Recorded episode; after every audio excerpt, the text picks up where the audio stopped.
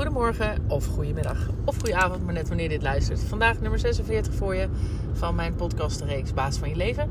En vandaag praat ik over de kracht van de stuttende context. En die gaat over de stuttende context voor een medewerker, maar zeker ook gewoon voor elk mens.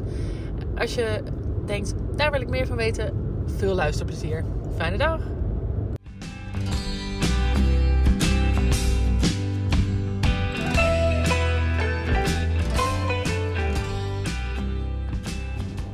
De kracht van de stuttende context. Daar gaat het vandaag over. En wat ik daarmee bedoel, moet ik misschien eerst gelijk even uitleggen. Een stuttende context is wat mij betreft een context, dus een omgeving waar um, stutting is, dus steun, waar um, vanzelfsprekend is dat bepaalde activiteiten gebeuren, waar een bepaalde sfeer, motiverende en opvangende sfeer is tussen mensen. Waarbij uh, mensen elkaar aanvullen als het even de ander niet lukt. Dat is een, dat is een stuttende context. En die wordt zo meteen wel verder duidelijk, denk ik. Um, want die, die context die heb je natuurlijk overal. Hè? Dus je kan op je werk uh, heb je een context die kan steunend, stuttend zijn. Of die kan uh, ja, giftig zijn. Hè? Dat je veel roddel en achterklap hebt. Of dat je bang bent uh, dat je baas uh, je afrekent op fouten. Of, nou, hè, dus je kan van alles verzinnen bij een niet gezonde context. En ik denk en ik hoop dat iedereen ook van alles kan verzinnen bij, of een gevoel kan krijgen bij een um, stuttende context. Dat je daar een beeld van kan maken. Um, waar dit vandaan komt dat ik daar zo mee bezig ben, heeft denk ik ook wel heel erg te maken met mijn achtergrond in de zorg. Ik heb bij een grote instelling gewerkt voor uh, mensen met een beperking. Ik heb bij meerdere instellingen gewerkt. Alleen uh, de laatste, en waar ik nu ook mijn interimwerk weer doe, die, um, dat is een hele bijzondere. En die hele bijzondere, vooral omdat zij een hele bijzondere visie hebben, die eigenlijk, als je hem eenmaal eigen hebt gemaakt, helemaal niet zo bijzonder is. Want het is eigenlijk heel normaal. Zou het moeten zijn? Uh, zou je hopen dat het zou zijn?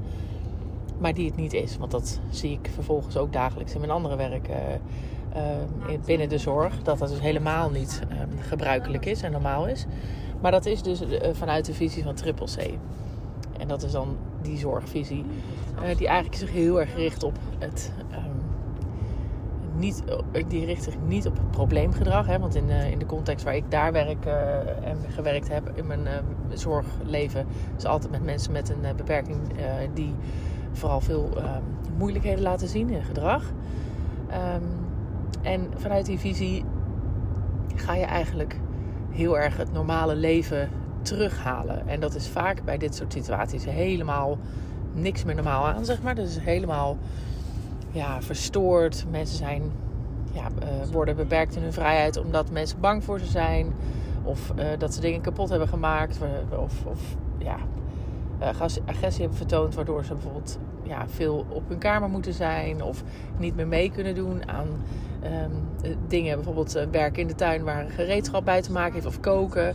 Nou, en in deze visie wordt dat juist heel erg teruggepakt. Hè? Dus daar wordt heel erg gekeken naar van als je een zinvolle dag hebt en als je um, begeleid wordt um, en als mensen niet bang van je worden, maar het samen met je gaan doen als je een beetje ingewikkeld doet, dan kan je je, je je, leven weer herstellen. Nou, dat is een heel interessant uh, verhaal die echt veel te kort wordt samengevat door mij nu.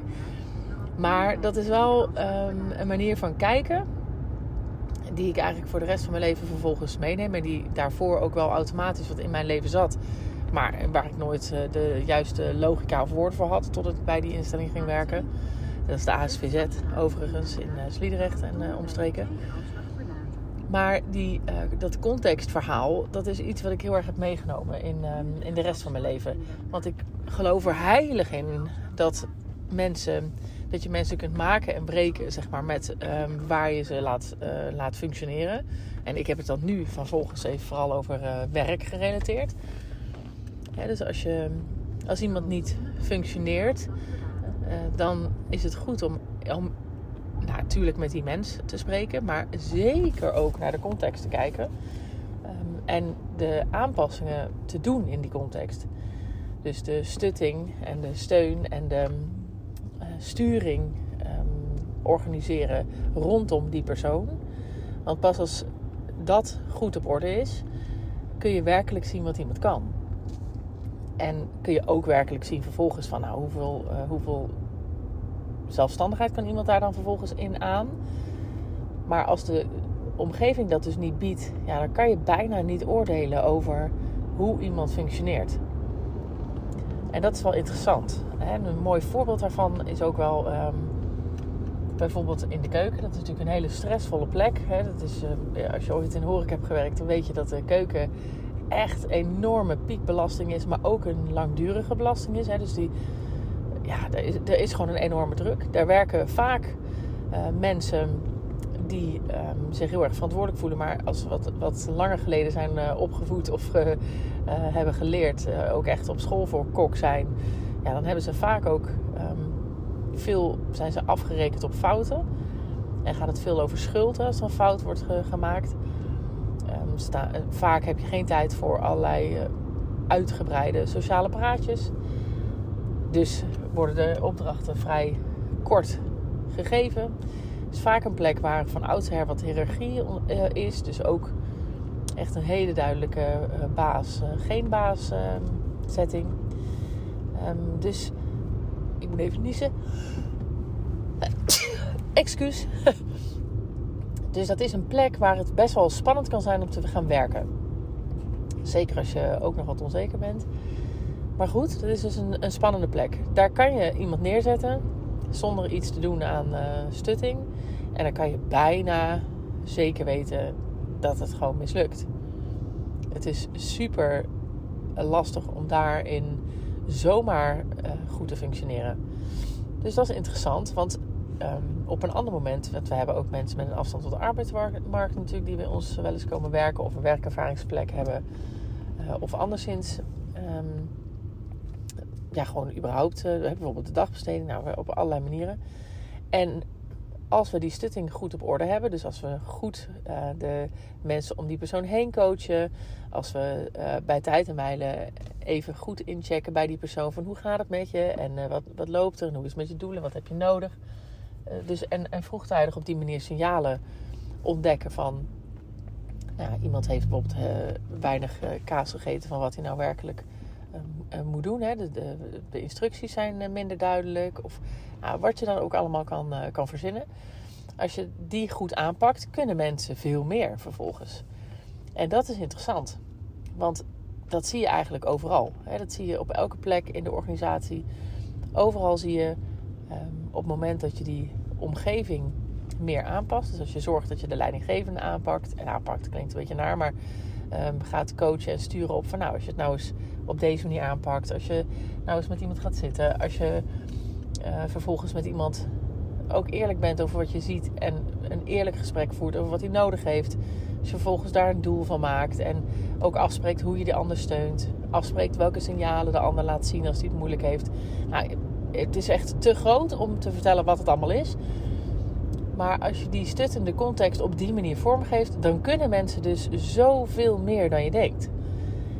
Dus mijn pleidooi is, is echt ook van als iemand het dus ja, niet zo goed doet, is onze neiging makkelijk om hem eruit te duwen. En dan bedoel ik gewoon dat er een soort mechanisme in een organisatie ontstaat van die moet weg. Of uh, dat er een soort verwachting naar uh, de leiding is van, uh, nou ja, pak die maar aan met als doel van hup er vanaf. Want mensen vinden het lastig om die energie er soms in te steken of om die overstijging te zien. En ook de lange termijn te zien, want vaak zit er druk op het rooster. En dan is het natuurlijk super interessant, want ja, dan, dan ga ik meestal dus niet doen. dan ga ik meestal kijken van ja, maar wat gebeurt er nou eigenlijk en wanneer uh, gebeurt er wat en hoe steun jij deze persoon en wat kunnen we daar nog mee en uh, hoe geef je iemand nog een kans. Hè? Dus, en niet alleen één kans, maar meer dan één. Um, en dat vraagt in ieder geval iemand die natuurlijk uit zeg maar, de drukke dagelijkse gang van zaken kan opstijgen en daarnaar kan kijken. En het vraagt geduld. En het vraagt een, een enorm vertrouwen in um, dat mensen de, de, weten, een diep weten dat mensen meer kunnen als wij het met elkaar beter voor hem doen. Kijk, en als uiteindelijk iemand een rapportje van maakt, en het is niks, zulke mensen zijn natuurlijk ook altijd.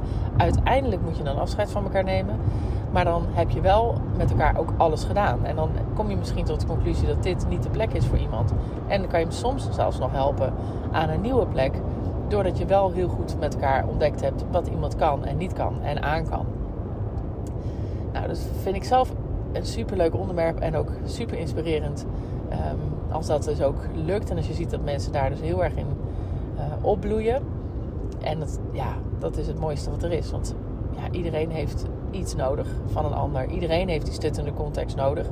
Alleen de ene kan het wat meer zelf voor zichzelf organiseren dan de ander. En gelukkig hebben we heel veel mensen die het niet allemaal alleen maar voor zichzelf kunnen organiseren. Want dan heb je dus alleen maar leidinggevenden en ondernemers of zo. En ja, daar ga je de wereld niet meer redden. Dus ja, ik zou zeggen, ehm, kijk eens naar je eigen medewerkers, kijk eens naar je eigen team.